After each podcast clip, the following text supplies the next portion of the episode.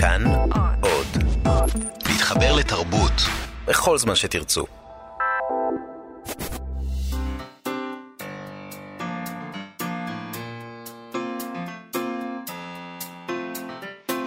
מה שכרוך עם יובל אביבי ומה יעשה לה. שלום ושבוע טוב, אנחנו מה שכרוך, מגזין הספרות היומי של כאן תרבות. אה, שמחים שאתם איתנו. אה, כבכל יום נזכיר לכם אה, קודם כל להוריד את אפליקציית כאן עוד, שבה יש, יש את כל התוכניות שלנו ועוד מגוון תכנים מעניינים. חפשו כאן אודי בחנויות האפליקציות. נזכיר לכם גם שאפשר לשמוע אותנו ואת כל שאר תוכניות כאן תרבות בספוטיפיי, ונזמין אתכם לעמוד הפייסבוק שלנו, מה שכרוך עם יובל אביבי ומאיה סלע. איתנו באולפן עושים את התוכנית חן עוז ושלומי בן עטיה, תודה לכם, ושלום מאיה סלע. שלום וברכה. Uh, בימים אלה מציינים 100 שנים לסיומה של מלחמת העולם הראשונה. אנחנו נדבר על זה היום עם פרופסור אבנר הולצמן, שיספר לנו קצת על הכתיבה על מלחמת העולם, ואיך קרה שמתוך הכתיבה ההומניסטית והאנטי-מלחמתית בגרמניה של אחרי מלחמת העולם הראשונה, צמח הנאציזם. וכמובן, מה הקשר היהודי לסיפור הזה. נדבר גם עם דוקטור עמרי גרינברג על ספר חדש שערך ביחד עם יפתח אשכנזי ופרופסור חנן חבר, שעוסק במעבר שבין ערבית לעברית, ומה המשמעויות בכלל של ישראלי שמתעניין בספרות ערבית. האם מותר לנו להתעניין בזה? יש כאלה שחושבים שלא, אה, הם לאו דווקא הברורים מאליהם, לאו דווקא מהמחנה של מירי רגב, יש כל מיני, וגם עסקנו בזה בשבועות האחרונים, האם מותר לנו לתרגם ולקרוא את זה וכולי. ומה קורה כשאנחנו עושים את זה? היום יש לנו תוכנית מאוד עמוסה. כן. אה, אז לפני שנגיע לכל הדברים העמוסים, יש תגובה אה, לסטטוס היומי שהקראנו בשבוע שעבר, זה הסטטוס של ירין כץ, על ספרות שעסק בעצם בעיר שלו, חולון. אה, ובכך שסופרים רבים אה, נולדו בה ועוסקים בה בכתיבה נכון, שלהם. ואני אמרתי חולון. אה, וכתב לי המתרגם פאר פרידמן, כך, חולון עם חולם, חולון, כחול, לא עם שורוק, כחול. אוי, שמעיה. אהבתי את האוי שמעיה בסוף. אני חייבת גם לתהות, זאת אומרת, אני תמיד תוהה ביני לביני איך חולונים אמיתיים, חולונים אמיתיים, סליחה, פאר פרידמן. איך הם אומרים? אומרים חולון, חולון, חולון, כי יש גם חולון, נכון? בכל אופן, בגלל ההערה שלו, כי באמת לא ידעתי שזה מחול, הלכתי לוויקיפדיה וגיליתי שהכוונות באמת היו יפות. שמה של העיר ניתן לה בשל מיקומה על חולות הים התיכון, ובזיקה לשמן של שתי ערים מקראיות בשם הזה, האחת בדרום הר חברון והשנייה בעבר הירדן. חולון. אז חולון זה רק במקרה שאתם נוסעים לחול קטן. נכון. נגיד כזה יומיים, חולון. שני לילות. ייקח ב... לי כל כך הרבה זמן. זה חלק מהסיבה שלא צריך להקריא, לשמוע ספרים מוקר... אה, נכון, מוקראים. נכון. כי בשבילי זה חולון. עכשיו הרסו אבל, לך את זה. לא, אבל מצד שני, למה שלא תגידי את זה נכון, מאיה? בכל זאת. אז זה בסדר. אה, תודה רבה לפאר פרידמן. סוגיה קשה מאוד. נעבור הלאה לסוגיה קשה אחרת. חייבים לדבר על פרס ברנר שמחלק את אגודת הסופרים כן, העבריים. חייבים לדבר על קווין. חייבים לדבר על קווין. טוב, בשבוע שעבר דיברנו, בש... דיווחנו, בשמחה, אה, על זכייתה של נוגה אלבלח בפרס אה, ברנר אה, על ספרה האיש הזקן פרידה.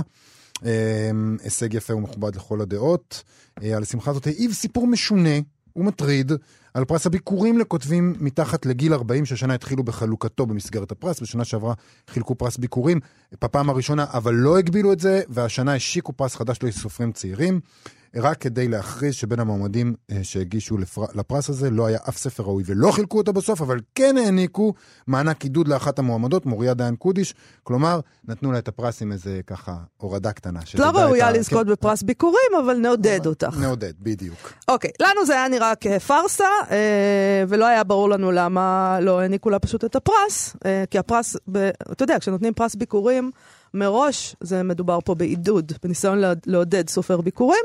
Uh, כשפרסמנו את הדברים בעמוד הפייסבוק שלנו, מוריה דיין הגיבה וחשפה עוד טפח מההתנהלות של מחלקי הפרס. נכון, ככה היא כתבה uh, בפייסבוק. גם אני די נדהמתי מהתהליך התמוה ומהאופן בו התעקשה אגודת הסופרים להוריד בזמן שהיא מעלה. אני כמובן מודה ושמחה על קבלת פרס העידוד, הזהה כספית לפרס הביקורים, אבל תוהה אם לא הייתה דרך יותר אלגנטית לעודד סופרת ביקורים ולוותר על הפיתול המוזר, שמריח מגבהות לב קשה. האומנם בין הספרים המוגשים לא הצליחה ועדת הפרס המכובדת לפצוע, למצוא אף ספר שיזכה להתהדר בתואר? ואם אכן כך, מדוע חילקו בכל זאת את כספי הפרס לספר ביקורים שכנראה מצא חן בעיניהם, אף על פי כן ולמרות הכל, יותר מאחרים. היא ממשיכה וכותבת, אציין גם שאיש לא התקשר לעדכן אותי בזכייה, וגיליתי אותה דרך העיתון. אחרי שביררתי בעצמי עם אגודת הסופרים, חזר אליי יו"ר ועדת השיפוט. אחרי שסיים להסביר את הזכייה ואי הזכייה, שאלתי איך בעצם מתקדמים, ואז הוא אמר, תראי, יש בעיקרון טקס הענקת פרס ברנר, אבל אני לא יודע אם את ממש מוזמנת, כי לבמה לא נראה לי שתעלי, אז לא יודע אם זה מתאים, אז אולי נעביר את הסכום בטקס או ביום אחר, נראה כבר. נהיה בקשר. uh, גם רני גרף, המוציא לאור של הוצאת גרף, שזכתה בציון לשבח במסגרת הפרס על הספר זו אני איואה של גלית דהן קרליבך, סיפר, גם גלית ואני קיבלנו את הידיעה על הציון לשבח של זאת אני איואה דרך התקשורת. עד לרגע זה אף אחד לא יצר קשר להודיע על כך באופן רשמי. ונראה לי שנלך לטקס, אבל אף אחד לא צריך להזמין, ואני אפילו לא יודע אם יציינו שם גם את שמות שלושת הסופר, הספרים שזכו בציונים לשבח. וכמי שכבר היה מאחורי הקלעים של שני פרסים, אחד בארץ ואחד בארצות הברית, אני יכול לומר ששם בשניהם זה התנהל אחרת, באופן קיצוני אחרת.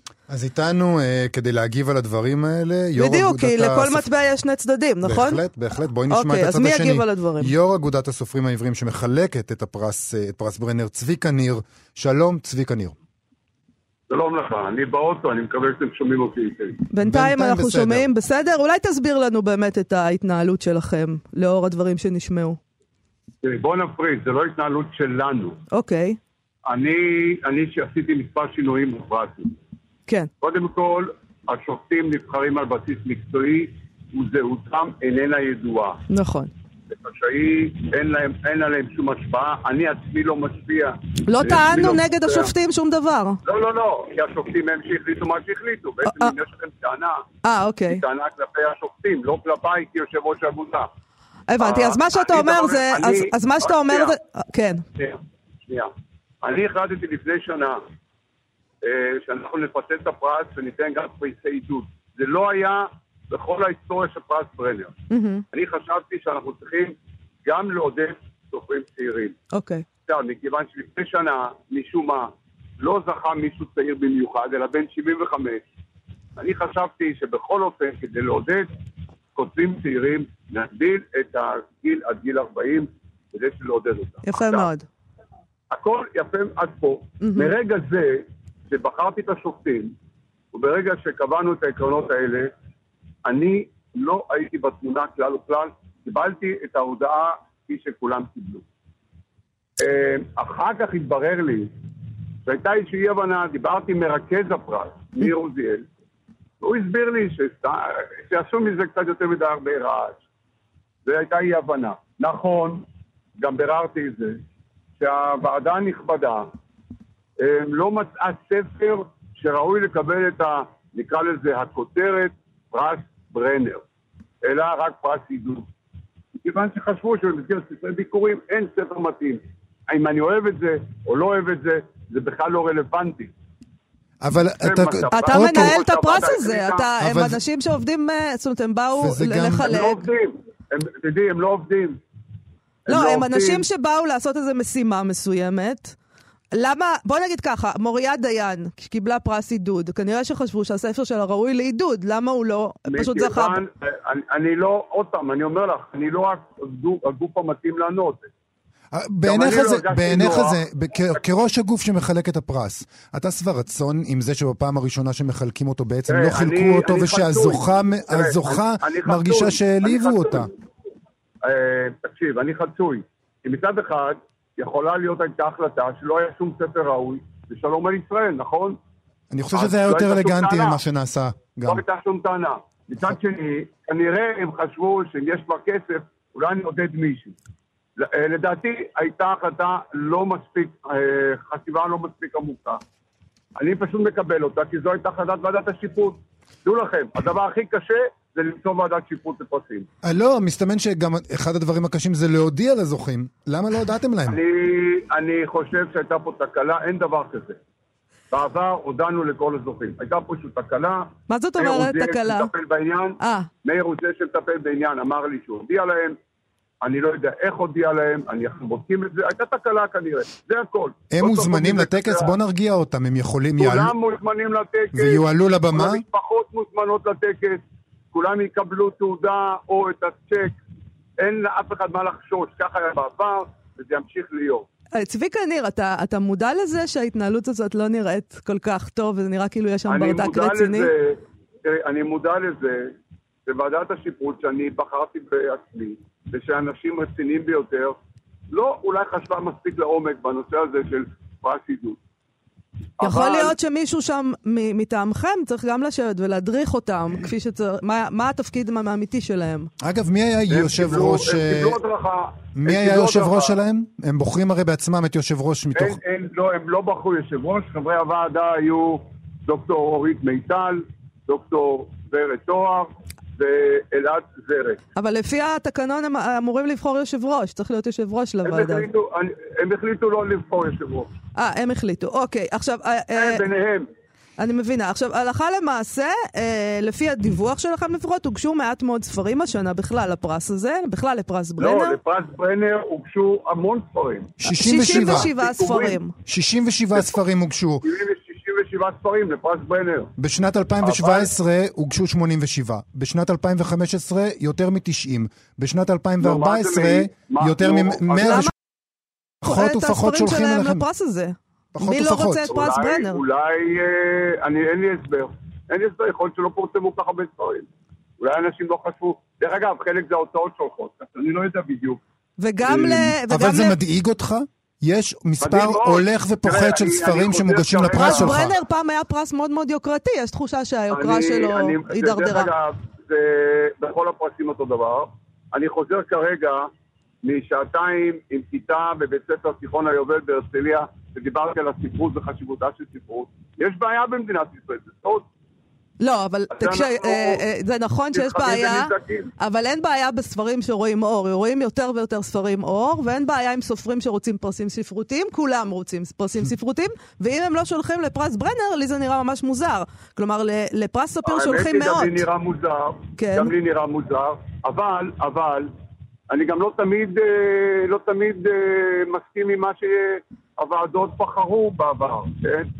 אז אה, זו טוב, זה אין מה לעשות, זה אין מה לעשות. תגיד, בשנה שעברה כשחילקתם את פרס הביקורים שלכם בלי ההגבלה של הגיל, הוגשו יותר מ-50 ספרים לפרס. השנה השקתם את נכון. הפרס לכותבים צעירים והוגשו משהו כמו עשרה ספרים לפי מה שהבנו. נכון, נכון, וזה באמת מדהים. אז איך זה יכול להיות? אז אולי עשיתם טעות? אולי צריך לבטל את מגבלת הגיל? אנחנו נבדוק את זה, אני אבדוק את זה. אתם איך פניתם? אולי אנשים לא יודעים שהיה בכלל דבר כזה, ולכן הם לא הגישו. אין דבר, זה אותו פרסום כל שנה בעיתונות. אותו פרסום כל דבר ברשתות החברתיות, אותו פרסום כל שנה בהוצאות הספרים. פנית להוצאות, פ, פנית להוצאות הספרים? כולה, יש לנו רוטינה קבועה של פנייה אה, בעיתונות, פנייה ברשתות כי זה, יש משהו קצת מוזר בזה שאנשים פשוט לא ניגשים לפרס הזה בכלל. תשמעי, יכול להיות שזה, אני לא אין לי הסבר, יכול להיות שאנשים חושבים מראש שלא יקבלו. טוב, בוא נדבר רגע על הגוף הזה שבראשו אתה עומד באופן כללי. אה, לי יש תחושה, תתקן אותי אם אני טועה, אה, שאין בו הרבה, הסופרים המוכרים, אה, זה, הם לא נמצאים בו. הסופרים לא נמצאים שם, הם לא מתאגדים והם לא חלק מהדבר הזה. סול, עמוס עוז, מאיר שלו, גרוסמן, הם לא נמצאים ברשימה הזאת. הצעירים, ניר ברם, דרור משעני, נועה ידלין, גם לא נמצאים. אה, את מי מייצגת אגודת הסופרים בעצם? ולמה כל החבר'ה האלה לא שם? אז את עכשיו זורה לי מלח על הפצעים. סליחה, כן. אה, ואני לא רוצה, אני, אני לא רוצה לפגוע באף אחד שלא יצטרף. אוקיי. יש לעומתם רבים, רבים שהצטרפו בשנה האחרונה, בשנים האחרונות, מאלף בית יהושע ורוני סומק, ויהודית רותם ואגי משעול, ועוד הרשימה ארוכה. אה, יש כאלה שבאופן עקרוני יש להם בעיה להצטרף לאיזשהו גוף מאורגן, מסודר, כי הם רוצים להיות עצמאים באופן מוחלט. אתה שבע רצון עם הגוף שאתה מנהל? אתה מרגיש ש, שיש לו... בוודאי שלא. יש לו חלק משמעותי בעולם הספרות העברי? כן, בהחלט. השאלה היא רק מה זה עולם הספרות העברי. אם אתה מדבר על הספרים שאתה קורא עליהם ביקורות, או שהם מופיעים אה, הרבה באמצעי התקשורת, אז פחות. Okay. אם אוקיי. אתה מדבר על עולם הספרות הכללית, אני מאוד מבסוט. למה אתה, למה, רגע, רגע, לא הבנתי את ההפרדה. מה זה עולם הספרות הכללי הזה? אני שאתה... אומר, יש לנו, תראי, אנחנו, יש לנו כ-600 סופרים ומשוררים. כן. הרוב המכריע, הרוב המכריע מבין חברי האגודה הם משוררים. אוקיי. אה, אולי 80 אחוז. הם משוררים. אוקיי. זאת אומרת, שיש פעילות שירה גדולה מאוד, ויש רצון רב להצטרף. יש לנו גם קבוצה של צעירים, מה שאני קראתי, קמתי משמרת צעירה, שלא יכולים באופן פורמלי, כי התקנון לא מאפשר להם, אבל הם פעילים אצלנו בבית הסופר, עושים פעילויות אה, ספרותיות אה, מגוונות. אנחנו גם עושים פעילויות בכל הארץ. אנחנו נכון, לצערי הרב, חלק גדול מהסופרים הבולטים, הם לא אוהבים להיות בתוך איזשהו ארגון. אבל זה יותר, אז אתה, לפי איך שאתה תיארת את זה עכשיו, זה יותר כמו חוג כזה מאשר אה, ארגון מקצועי. זה לא איגוד מקצועי. איגוד מקצועי של אנשים שאמורים... לא, זה לא איגוד מקצועי. אני לא יכול לקבוע שכר ואני לא יכול לקבוע תעריפים. זה גוף שמאגד שהמטרה שלו, על פי התקנון שניסח עוד בזמנו אה, חיים נחמן ביאליק, התקנון שלו זה להפצת הספרות ולקידום סופרים עד כמה שאפשר. אבל דברים השתנו קצת, אולי באמת צריך uh, שתשנו קצת את הפוזיציה שלכם ותגנו על הסופרים, ואז אולי הם ישמחו להצטרף. כן תקבעו תעריפים, כן תגנו עליהם, כן תדאגו לתמלוגים מהספריות, כן תהיו קול בולט אנחנו, uh, פוליטית. אני עושה, זה, אני עושה את זה בלי שום קשר. אני עושה את זה בלי שום קשר אם יצטרפו אליהם הגדולים או לא. להפך, אותם זה פחות מעניין הבעיות האלה. אני נמצא במאבק מתמיד מול כל מי שצריך לשלם ולא משלם. מול משרד התרבות, כולל חוק נאמנות בתרבות, שאני אחד המובילים. ודקה אחת אני לא נח, אני כל הזמן פועל לטובת הסופרים מול כל גוף אשר יש לו קשר עם הסופרים המשוררים. אוקיי, צביקה ניר, יושב ראש... למעשה זה 80 אחוז מהזמן שלי, אני מקדיש לזה.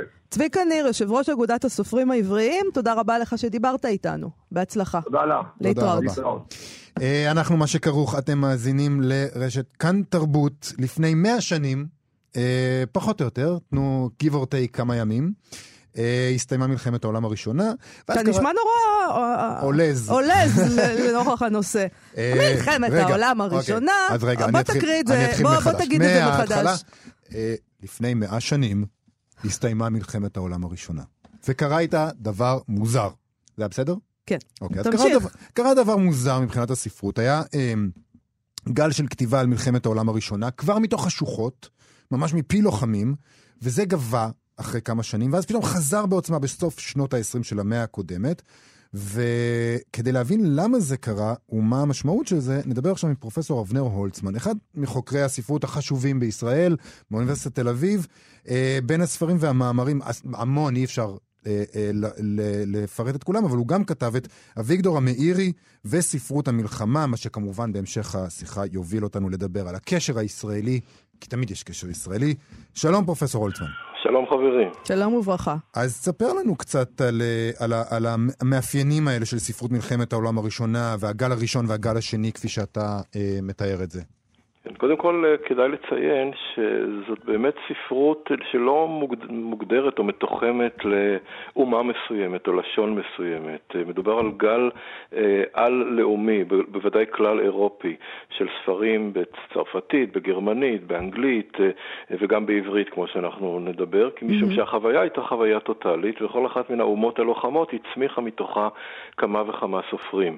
עכשיו, כשאומרים ספרות מלחמת העולם הראשונה, צריך להגיד להגדיר היטב במה מדובר. אה, הרי כל האנושות כמעט הייתה מעורבת במלחמה הזאת, אבל כשמדברים על המונח הספציפי הזה, מתכוונים ליצירות שכתבו אנשים שלקחו חלק בפועל במלחמה, ספרות החפירות, ספרות השוחות, אנשים שמעידים עדות אה, מבשרם ממש על מה שהם ראו אה, ומה שהם חוו.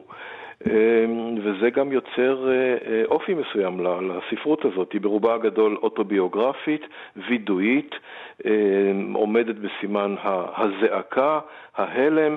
מהבחינה הזאת היא שונה מאוד, נאמר, מהספרות הריאליסטית אה, של המאה ה-19.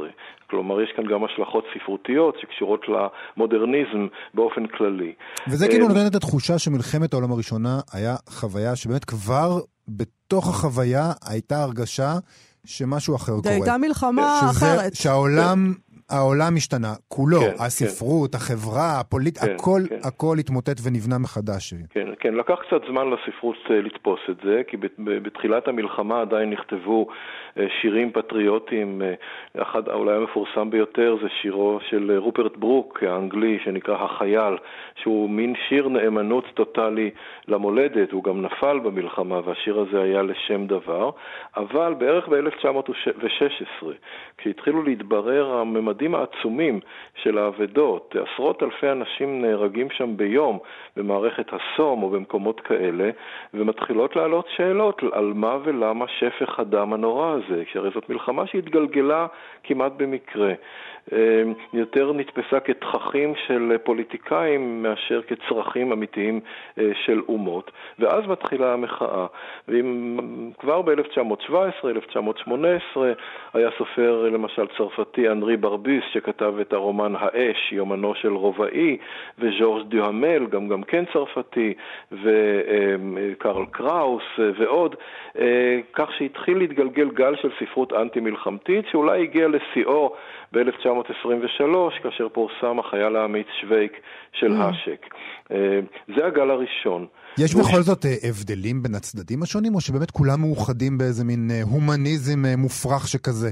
כולם מאוחדים באיזו תחושה של זוועה וחוסר הבנה, מחאה גדולה נגד המנהיגים, המלכים, ראשי הממשלה, שדרדרו את האנושות לקטסטרופה כזאת. אבל היה אפשר לחשוב שאחרי הדבר הזה, ואחרי הספרות גם, שנכתבת במחאה נגד מלחמה, מלחמה כזאת נוראית וגדולה, שגם הולידה את ההלם קרב ככל הידוע לי, שם התחילו להתעסק בזה בראשונה, כן. אה, לא נגיע למלחמת עולם שנייה. אבל לא הרבה שנים אחרי זה. כן, באמת? את, את, את קופצת קצת קדימה מהר מדי, okay, אוקיי, משום שלא סליחה. תיארתי את הגל העיקרי כן. של הספרות הזאת, שהוא פרץ בעצם כעשור אחרי תום המלחמה. ב-1927 פורסם הקץ לנשק של mm. המינגווי, וב-1929 פורסם הספר המפורסם מכולם, שהוא במערב אין קול חדש, של ערך מריה רימרק. כן. וכאן באמת השאלה שלך מקבלת תוקף. רימרק היה סופר גרמני, נחשב, והרומן שלו כבש בסערה לא רק את גרמניה, אלא את אירופה כולה. עוד באותה שנה שבה הוא מופיע בגרמניה, הוא כבר מתורגם לעברית, כן, בקצב מסחרר שלא לא ידענו כמוהו, וכך אפילו, אפילו ביידיש הוא הופיע ב-1930. תורגם לעשרות שפות, הוסרט, ויצר באמת את התחושה ש... אה, המחאה הזאת גם תשנה משהו במציאות. כן? איך יכול להיות שמחאה כזאת וקטסטרופה כזאת לא תוביל את העולם לאיזו תקופה ארוכה של שקט, של הפנמת הזוועה, כן. אבל ההפך הגמור קרה, כן? שנתיים אחרי שמופיע הספר של רמארק, היטלר מתחיל את מסעו אל השלטון, וכאשר היטלר עולה לשלטון, רמארק נעשה אישיות לא רצויה בגרמניה, הוא נאלץ להימלט לשוויץ, הספרים שלו נשרפו באותה מדורה מפורסמת אה, של שריפת הספרים ב-33, נשללה ממנו אזרחותו הגרמנית, אחותו הוצאה להורג באכזריות כי היא נשארה בגרמניה, וואו. כלומר הנאצים זיהו ברמארק אויב. כן. זאת אולי חלק מהתשובה לשאלה שלך. אה, הספרות הובסה.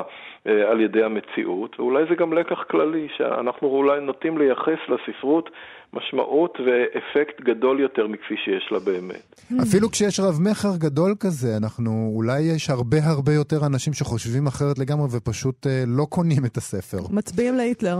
כן, טוב, היטלר עלה על ידי, נדמה לי, פחות משליש מקהל הבוחרים, ואז הוא השתלט על השלטון. הוא עשה קואליציה, זה נכון. מה שעושים בדמוקרטיות. אה, איפה נכנסת לפה הספרות אה, הנכתבת בעברית, או כזאת של יהודים? כן, זאת, אלה שתי שאלות שונות. נכון. קודם כל, ב, השתתפו כמיליון חיילים יהודים במלחמה הזאת בכל האומות הלוחמות. זה אגב יצר סיטואציה אבסורדית, נוראה, של יהודים הנלחמים ביהודים, יהודים ההורגים ביהודים. דבר כזה לא היה אחרי זה, ויכול להיות שגם לא לפני זה. כלומר, בהחלט יכול להיות ש... חייל יהודי הנלחם בשם הצאר ניקולאי יהרוג חייל יהודי שנלחם בשם הקיסר פרנץ יוזף, ושאלות כאלה גם עלו בתוך המלחמה, אפילו בצורה הומוריסטית. בספר הבדיחה והחידוד של דרויאנוב למשל, יש פרק שלם על חיילים יהודים במלחמת העולם הראשונה, שעושים כל מיני מפגשים חשאיים אה, משני קווי החזית. בכל אופן, אה, היו גם סופרים יהודים במדינות הלוחמות, והם כתבו, אבל הם לא כתבו מזווית ראייה של יהודים. היה זיגפריד ששון באנגליה, mm. והיה פרנץ ורפל באוסטריה, וקרל קראוס אה, בגרמניה, ואייזק רוזנברג, אה, מגדולי משוררי המלחמה האנגלים, אבל לא תמצאו אצלם את הנקודה היהודית. וזה מביא אותנו לספרות העברית. אה, גם סופרים עברים השתתפו במלחמה, לא כל כך הרבה, אבל לפחות אפשר לציין כעשרה תריסר שמות של סופרים עברים שהשתתפו בכל הצבאות, בצבא הרוסי, בצבא הגרמני, בצבא האוסטרי, בצבא הטורקי, בגדודים העבריים, ונתנו ביטוי לחוויותיהם. אם כי רובם סופרים מינוריים.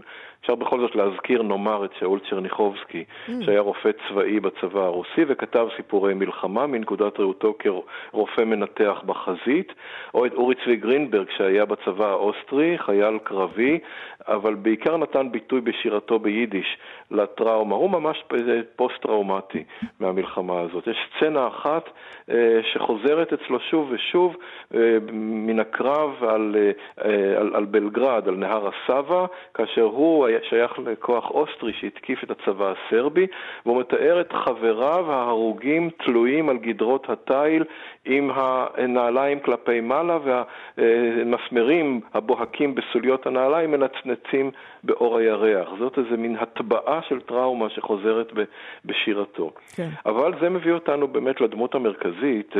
הייתי אומר שהסופר העברי היחיד שהפך את חוויותיו במלחמה ובשבי למוקד מרכזי ביצירתו הספרותית הוא אביגדור המאירי.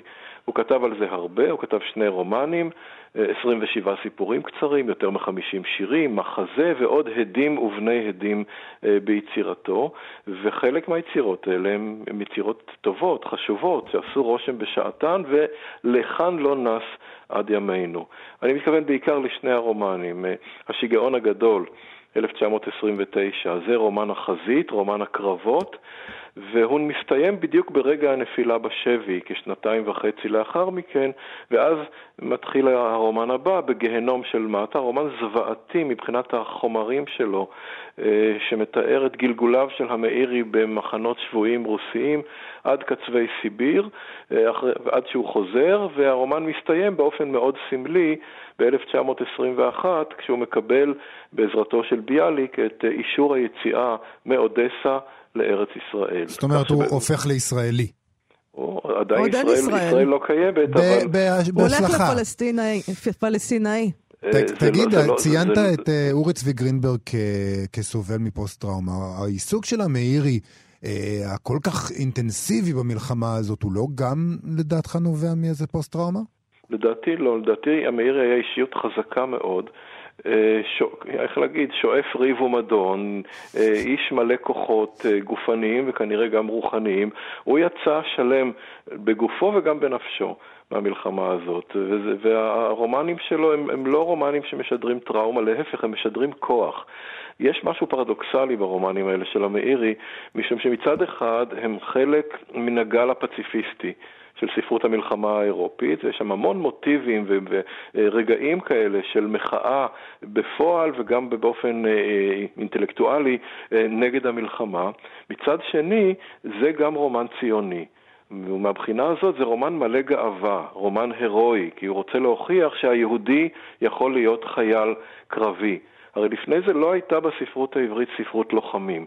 היו סיפורים של ברנר, של שופמן, על היהודי הנעבך המסכן בצבא הרוסי ו- וכולי, אבל קצין קרבי יהודי כן. שמראה לגויים מה זה להיות גיבור ומוכיח את עצמו כל הזמן, זה המאירי. ולכן זה, זה רומן הירואי ורומן פציפיסטי בעת ובעונה אחת. וביישוב אה, קראו את הספרים שלו? הוא היה... בהחלט כן. אפשר להגיד שהשיגעון הגדול היה רב המכר הראשון בספרות העברית mm. או בספרות הארץ-ישראלית. הוא נדפס בכמה וכמה מהדורות ויש לנו המון עדויות של אנשים צעירים, נערים, נערות אפילו, שהיו ב- ב- בשנות ה-20 וה-30 שחיפשו חומר קריאה מעניין בעברית. אה, מכיוון שהספרות העברית עם כל מעלותיה עסקה יותר בעניינים מורכבים של פנים הנפש, של הרהורים, של אידאות וכולי. הצד העלילתי, דרמטי, סנסציוני, פיקנטי, היה די חסר לה. לא במקרה אגב, המאירי היה גם מיוצריו של הרומן הטריוויאלי, הרומן הבלשים הארץ-ישראלי, וגם מיוצרי הראינוע הארץ-ישראלי. היה לו חוש אה, חזק לדרמה, אה, לעלילה, גם יצר נוצר תיאטרון הקומקום באותן שנים, והשיגעון הגדול סיפק לו, או המלחמה סיפקה לו חומרים יוצאים מן הכלל, לסיפור עלילה דרמטי, מגרה, פיקנטי, אפילו אירוטי, שלכד את ליבם של הקוראים, וזה ספר ש... שהיו לו חיים ארוכים, הוא זכה לכמה וכמה מהדורות. אני עצמי הוצאתי לפני עשרים וכמה שנים, מהדורה של uh, השיגעון הגדול בגיהנום mm. של מטה בהוצאת דביר, וזה רק אחד הגלגולים של, ה, של היצירות האלה. כן, המלחמה זה תמיד חומר טוב. אה, פרופסור אבנר הולצמן, uh, זה היה ממש על קצה המזלג, כי זה נושא רחב, אבל היה מאוד מעניין, ויש לי תחושה שנדבר שוב בקרוב. תודה רבה לך. כל טוב, תודה, תודה רבה. רבה. להתראות. אנחנו מדברים לא מעט בתוכנית הזו על המאמצים לעניין קוראים ישראלים בספרות ערבית, אבל האם בכלל מותר לתרגם מערבית לעברית?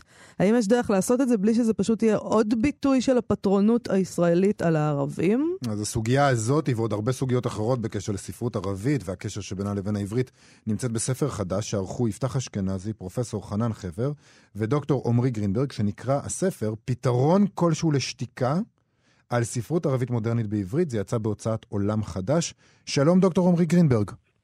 אה, היי, שלום. עוד לא דוקטור, אבל... אה, עוד לא דוקטור, סליחה. בשבילנו אתה דוקטור. אה, אז באמת נספר שאתה עכשיו עושה דוקטורט באנתרופולוגיה ולימודי יהדות בכלל, לא בספרות. נכון. באוניברסיטת טורונטו, ואתה מרצה במחלקה לתרבות הפקה ויצירה במכללת ספיר, וגם באוניברסיטת בן גוריון בנגב. בר אילן. בבר אילן. סליחה, כן. בר אילן, אני כן. מתנצל. וואו, לא, לא. כמה טעויות, אלוהים אדירים. הכל בסדר, הכל בסדר. יפתח הוא בבן גוריון, אז זה מבלבל. אוקיי, אה, כן. אז אה, יש שם אה, במאמר הנושא את הכותרת, נתחיל, נתחיל פשוט, אוקיי? אוריינטליזם ציוני כן. בתרגומיו של מנחם קפליוק מן הספרות הערבית המודרנית. יש כן. מאמר כזה, טוען המחבר של המאמר, מחמוד קיאל, מרצה בכיר נכון. בחוג ללימודי ערבית ואסלאם באוניברסיטת תל אביב, שגישתו כן. האוריינטליסטית של קפליוק כלפי החברה, התרבות והספרות הערבית השתקפה גם בשיקוליו בעניין פעילות התרגום שלו מן הספרות הערבית החדשה לשפה העברית. מטרתו העיקרית בפעילות זו הייתה לאפשר לקורא העברי להרחיב את הידע שלו על החברה הערבית. אי לכך מדיניות התרגום הכללית והתרגום שלו שירתו את אותה מטרה. כלומר, לפי המאמר הזה אי אפשר, לא אפשרי כל הדבר הזה. אבל מחמוד במאמר שלו באמת עוסק אבל בימים המוקדמים של תרגומים אה, מערבית לעברית, זאת אומרת בתחילת המאה ה-20. אה, אפשר להרחיב את הטענה הזאת ולהגיד גם שבימינו התרגומים טעונים ביחסי כוח כאלה ואחרים, אה, אבל למשל יש את המפעל של יהודה שנהב שרבני שגם אה, כתב לספר, כן. שמתרגמים בבניר וזה נקרא מכתוב, ששם מנסים לבנות איזשהו מודל אחר של תרגום, תרגום שהוא קולקטיבי ולא פרטני. מה זה אומר? שהוא, שהוא תרגום שכמה אנשים עושים אותו, 아, אה, מתוך אוקיי. איזשהו דיאלוג, אה, ולא בן אדם אחד שהוא עושה את ההחלטות. רגע, אבל אני רוצה, אני רוצה אה, לעצור כן. פה רגע. כשבן אדם במצב רגיל, אני רוצה, יש לי הוצאת ספרים, אני רוצה לתרגם כן. ספר מפינית, אני לוקחת את התרגמת מפינית, והיא כן. מתרגמת לי את הספר הזה, אוקיי? למה מערבית בכלל מראש צריך שיהיו שלושה מתרגמים? מה הבעיה? אז קודם כל. בוא נדבר על הבעיות, אני לא מבינה את זה. למה אי אפשר לקחת מתרגם שיתרגם את זה וזהו? כל ההנחה בתיאוריות של תרגום באופן כללי, שכל פעולה של תרגום היא כוללת איזשהו ממד של כפייה, או של פעולה בתוך אילוצים, כן? אנחנו אף פעם לא יכולים אה, ליצור תרגום מושלם, זאת אומרת שאנחנו מתרגמים באופן אה, זהה את המשמעות של מילה אחת משפה אחת לשפה השנייה. Okay. אוקיי. אה, עכשיו, ככל שיש יותר מטען, בואו נקרא לזה, אה, בין שפת המקור לשפת התרגום, ככה פעולת התרגום תהיה יותר קשה, יותר מורכבת. יש שם יותר אה, רבדים אה, בעייתיים בפוטנציה. גם מסינית זה לא כל כך פשוט אה, לתרגם אה, לשפות, אה, נקרא לזה מערביות. כן. כן, כי אנחנו יודעים, יש כל מיני, אה, גם כן, גם פה יש הקשרים שונים כלכליים ואחרים, או אה, גם כן ממד אוריינטליסטי גם ביחס למזרח הרחוק, כן? אה, אז בטח שבין עברית לערבית, ואני מניח שזה גם תקף גם לגבי תרגומים מעברית לערבית, אז אה, כל מילה כזאת היא, היא, היא מאוד טעונה. כן? זאת אומרת, אה, אנחנו לא, עוד פעם, אנחנו לא יכולים ליצור אה, שהמשפט שהיה בערבית במקור יהיה, באות, יהיה זהה לחלוטין בתרגום שלו לעברית. וכל בהרבה- הבחירות הכאילו קטנות האלה שעושה המתרגם, יש להם איזשהו נופח אה, פוליטי, נקרא לזה, היסטורי. אבל בהרבה מאמרים אחרים, או בחלק מהמאמרים האחרים, יש תחושה הרבה יותר אופטימית של איזה יופי, כן. ו- וכן עושים דברים, וכן הנה תראו איך כן מתרגמים טוב, ואיך אה, אפילו, אה, איך אפילו בתרגומים אה, ובדיאלוג שבין העברית לערבית אפשר לראות... איזשהו, איזשהו, נקרא לזה דו-קיום, אני לא לא, לא אוהבים את המילה הזאת כבר בתחום הזה, אבל איזשהו דו-קיום שלמעשה מעצים את, ה, את התחושה של כישלון של הדו-קיום הזה בתחומים אחרים, אבל שהספרות משגשגת.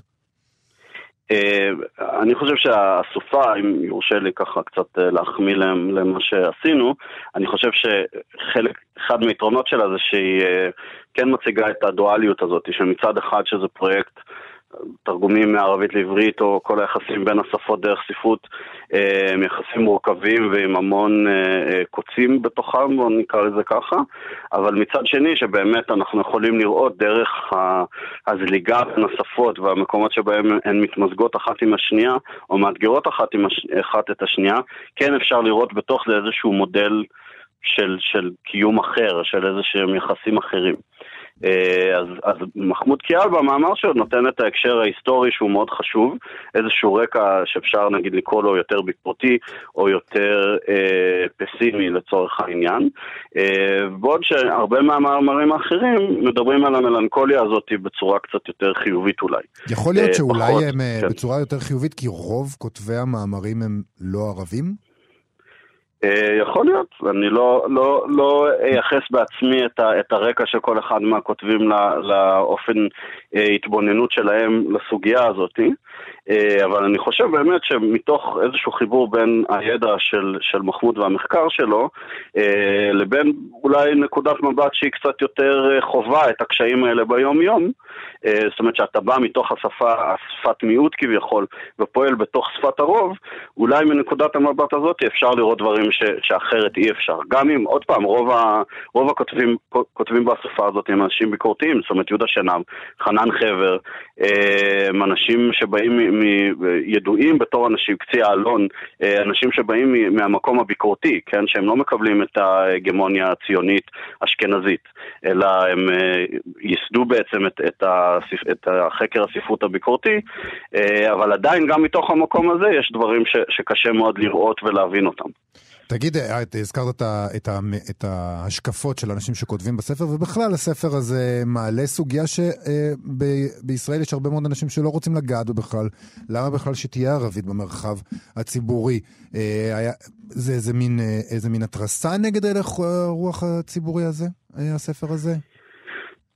אה, נראה לי שבימינו כמעט כל, כל פעולה שהיא, שהיא, אה, אה, שהיא לא לחבק את הקונצנזוס, זאת אומרת שהיא לא אה, להיות נאמן באופן מובהק בתרבות, אה, היא כבר תיחשב כאיזשהי סוג של התרסה.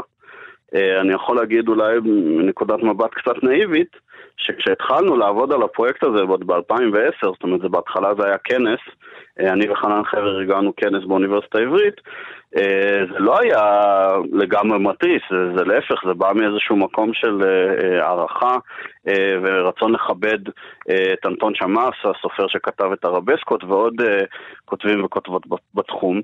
אבל עם השנים, זאת אומרת, בשמונה שנים שחלפו מאז, אין ספק שהתמונה קצת השתנתה, כן? וכשעושים פרויקט כזה, כבר אי אפשר להימנע מזה שהוא, שהוא אה, פועל אל מול תהליכים. כמו הפכתם שקוראים לזה. פתאום, במש- במהלך השנים הפרויקט הפך להיות מאוד רדיקלי. כאילו, אה, כן, אבל הנה, עובדה שכמו שדיברנו קודם, אה, הוא יכל להיות יותר רדיקלי, כן? כן. היה אה, קשה טוב, להוציא את כן. הספר? היה קשה למצוא, נגיד, מימון? מימון זה אה, שאלה שעולה הרבה פעמים עכשיו בעניינים כאלה. אה, בסופו של דבר, הספר כן, אה, עולם חדש, הוצאת ספרים שהוצאנו אה, דרכה את הספר, קיבלה מימון דרך מפעל הפיס ודרך המכון הישראלי ל- ללימודים מתקדמים. אז אפשר, אתה יודע, אפשר עדיין לראות את זה שגם באפיקים המאוד פורמליים וכן קשורים ככה למוסדות מדינה, גם פרויקטים כאלה יכולים, יכלו לפחות לקבל מימון. אני רוצה להאמין שעדיין הם יכולים לקבל מימון על סמך האיכות שלהם. אה, אני יכול להגיד אבל שלמשל היה לנו ברור מההתחלה אה, ש, שאפיקי פרסום אחרים שאולי אה, קיימים, בפנינו הם סגורים. גם כי יש פחות מקום לספרות עיון בימינו, ולרוב אנשים צריכים להוציא כסף מהכיס שלהם בשביל להוציא ספרי עיון. וגם כי יש הוצאות שהיה ברור שלא לא יתקרבו לדבר כזה, למרות שבאמת, אתה יודע, אם מסתכלים על רשימת הכותבים והכותבות, אז יש פה את כל המי ומי של חקר הספרות העברית. נכון. אה, טוב, אה, עמרי גרינברג, אה, תודה רבה לך, זה מאוד מעניין. תודה לכם. דיברנו על פתרון כלשהו לשתיקה על ספרות ערבית מודרנית בעברית, שיצא בהוצאת עולם חדש. תודה. תודה רבה. תודה רבה, שבוע טוב.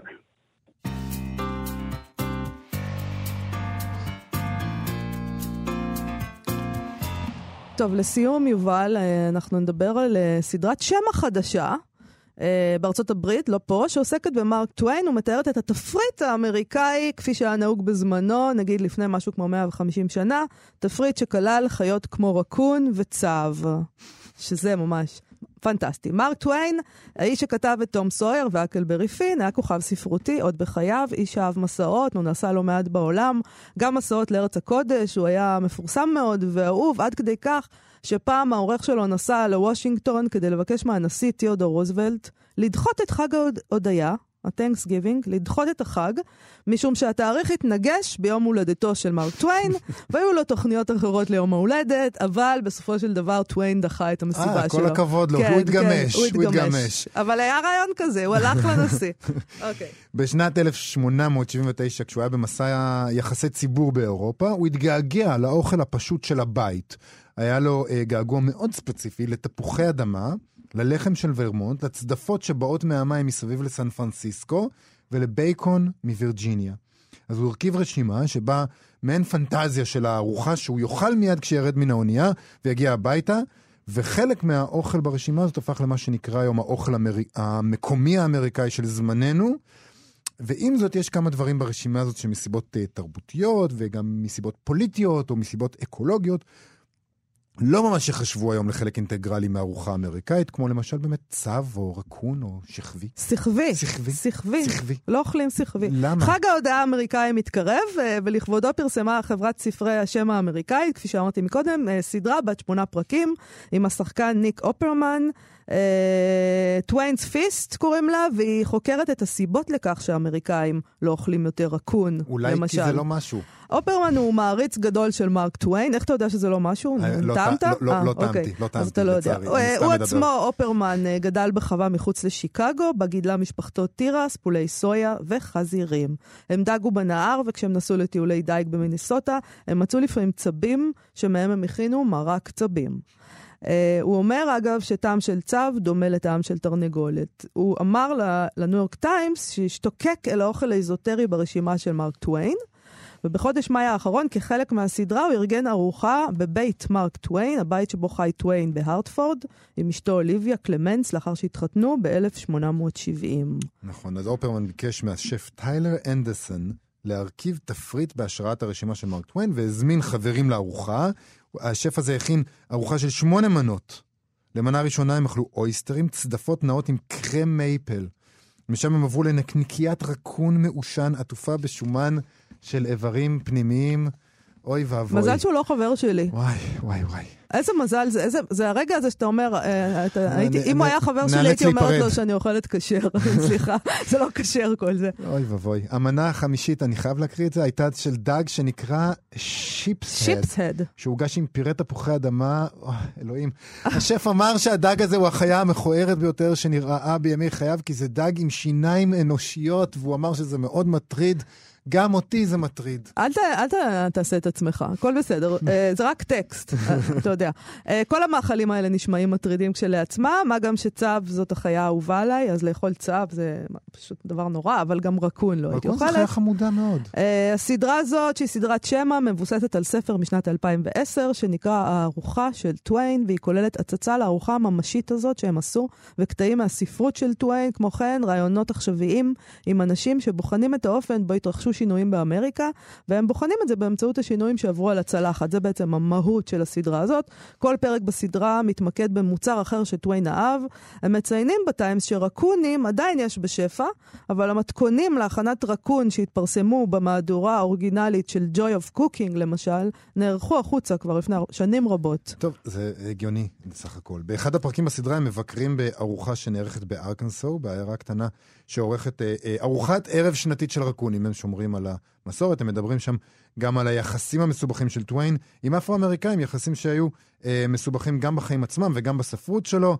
ועולה גם השפה הגזענית שלו. נכון. אה, אפרופו השפה הגזענית של טוויין, יש לו גם זווית אנטישמית כמובן, אם כי הוא תמיד uh, היה מבריק ומצחיק, וגם הפעם, גם כשהוא אנטישמי הוא מצחיק, מסתבר שבין 1897 ל-1899, טוויין היה בווינה, הוא פרסם uh, כמה מאמרים בעיתון שערך תיאודור הרצל שלנו, uh, הוא, הוא דווקא נחשב לאוהד יהודים, uh, כי אחרת אולי הרצל גם לא היה מפרסם אותו.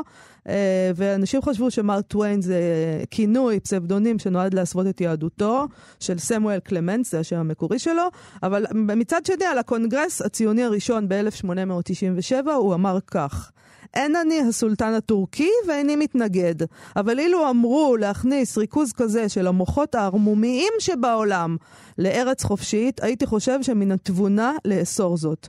לא טוב להניח לעם הזה לגלות את כוחו. אילו ידעו הסוסי, הסוסים מה כוחם, לא היינו רוכבים עוד. אז אה, אולי לא אנטישמי, אבל אנטי-ציוני, אה, שהיום זה כמו להיות אנטישמי. זה מין אנטישמיות הפוכה כזאת. הם כל כך טובים היהודים, הם כאלה חריפים, אז צריך להיזהר מהם. אבל אפשר לסלוח לו על הרבה דברים, לאור הכתיבה שלו, וגם לאור הגרגרנות המאוד פרטיקולרית הזאת. אה, אדם שאוהב לאכול דברים ככה, אפילו אם קצת לא מוצאים חן בעינינו היום, זה גורם לי לחבב אותו. אה, וזה זמננו לסיים, נכון? נכון. אה, נזכיר לכם אה, להוריד את האפליקציה כאן עוד, ונזכיר לכם לשמוע אותנו בספוטיפיי, ונזכיר לכם להיכנס לעמוד הפייסבוק שלנו, מה שכרוך עם יובל אביבי יעשה לה. ונודה לחן עוז ושלומי בן עטיה שעשו איתנו את התוכנית, ונתראה מחר. כן, להתראות.